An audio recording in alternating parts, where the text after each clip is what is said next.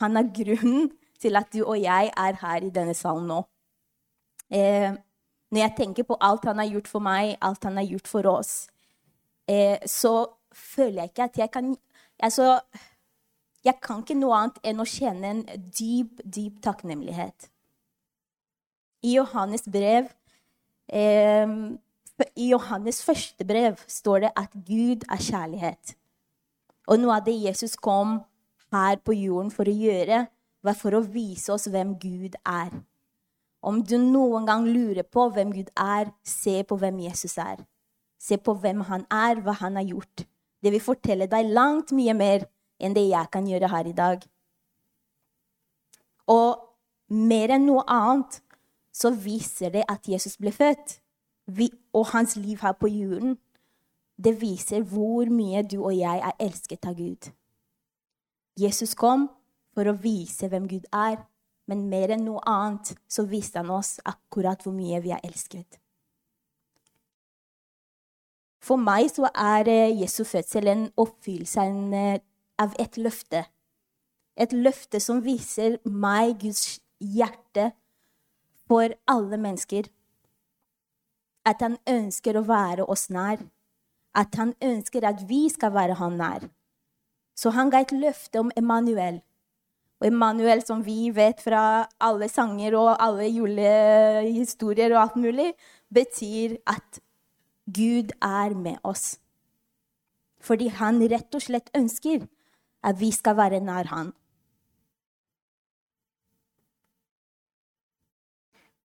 Det er under denne premissen av at Gud elsker oss mennesker.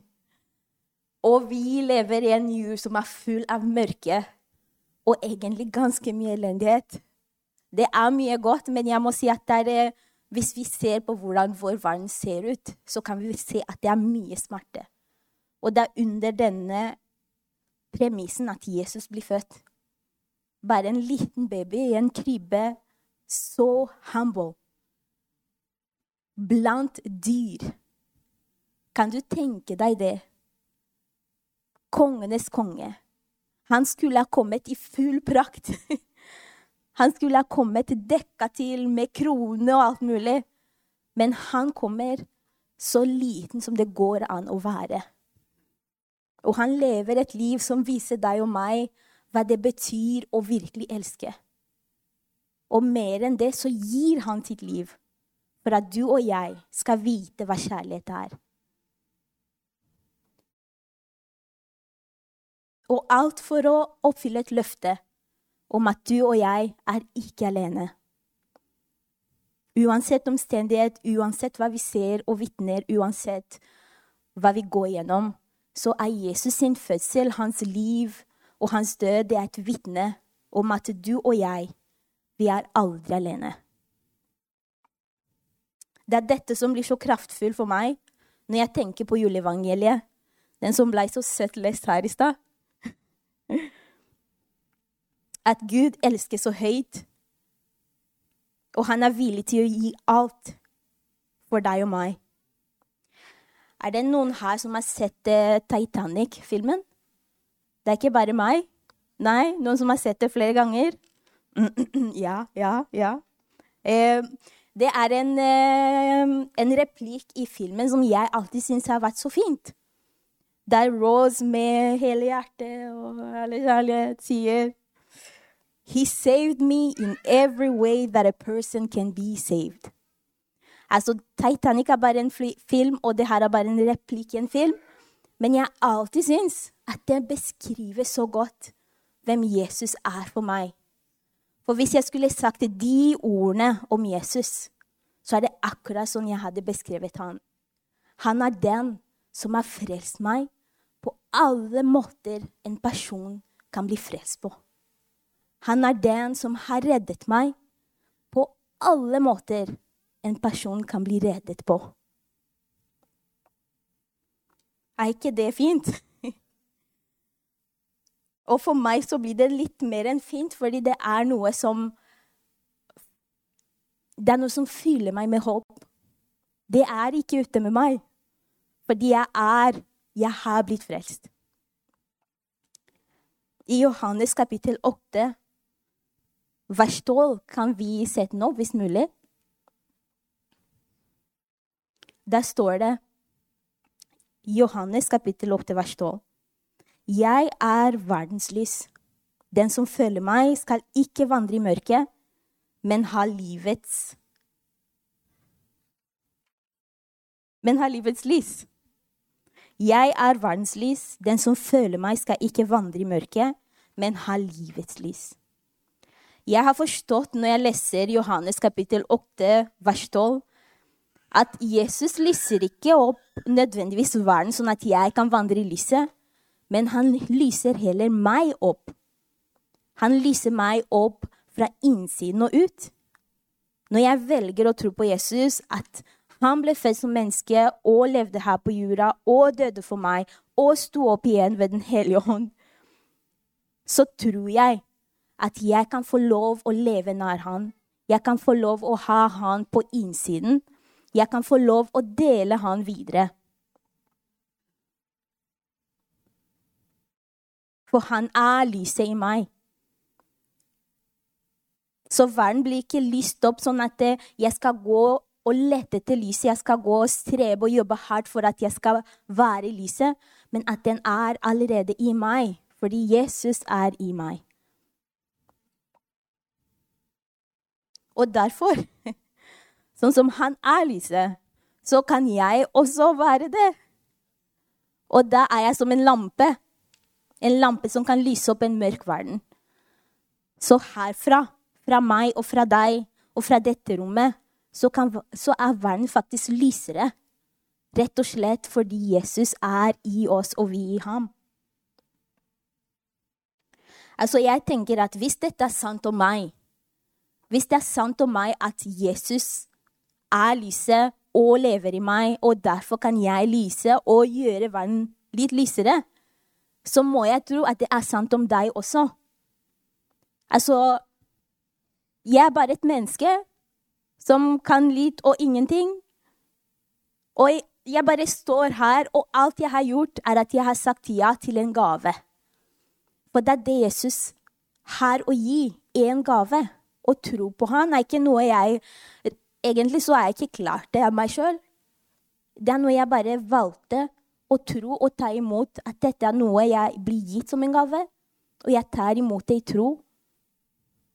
Og det er gjort livet mitt noe helt annet.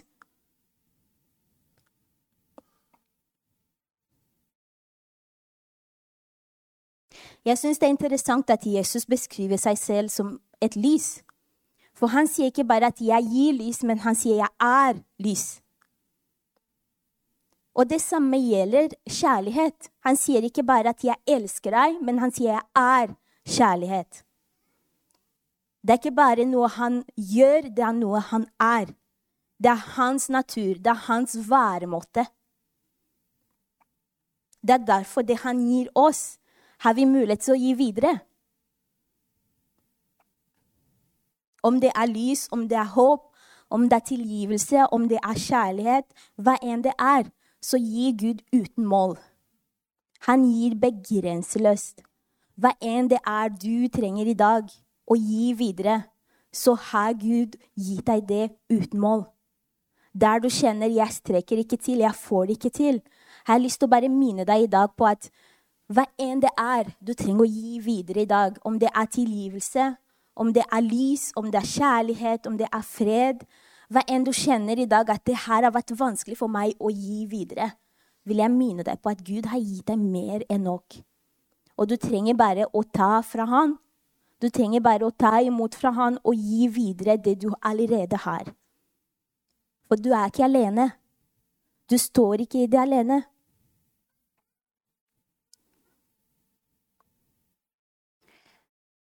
Til slutt så vil jeg bare lese i Romerbrevet kapittel 15, vers 13. Der står det Men håpets Gud Husk at Gud ikke bare, gir ikke bare håp, men han er håp. Og Det er derfor det står her. Men håpets Gud skal fyle dere med all glede og fred i troen, så dere kan ha overflod av håp ved Den hellige ånds kraft. Jeg er en av de folka som blir litt sånn ekkel rundt jul fordi jeg elsker jul. Og jeg vet at det er ikke, den, det er ikke alle som har den samme sentimentalen om jul, men jeg syns det er kjempegøy med jul. Og her kjenner jeg at jeg har mer å gi, fordi jeg får energi av, av den gleden, da. Men jeg skjønner det, at det er ikke alle som er der.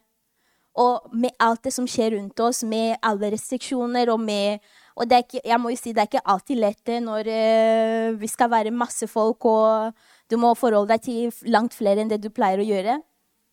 Og vi trenger all, alle noe ekstra å gi av. Så jeg vil bare sende deg av gårde med dette verset. Men håpets Gud, må håpets Gud fylle dere med all glede og fred i troen, så dere kan bli rike på håp ved Den hellige kraft og minne dere på at dere er ikke alene. Gud er med, Jesus er med, og det lyset og den kjærligheten dere bærer i dere, kan dere gi videre uten å måtte streve for å få det til. For dette gjør vi sammen med Jesus.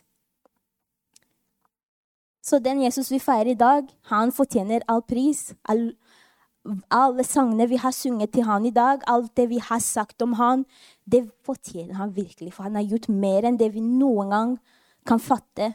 Og han har elsket oss høyere enn det vi noen gang klarer å forstå. Men vi får lov å ta imot i håp og glede.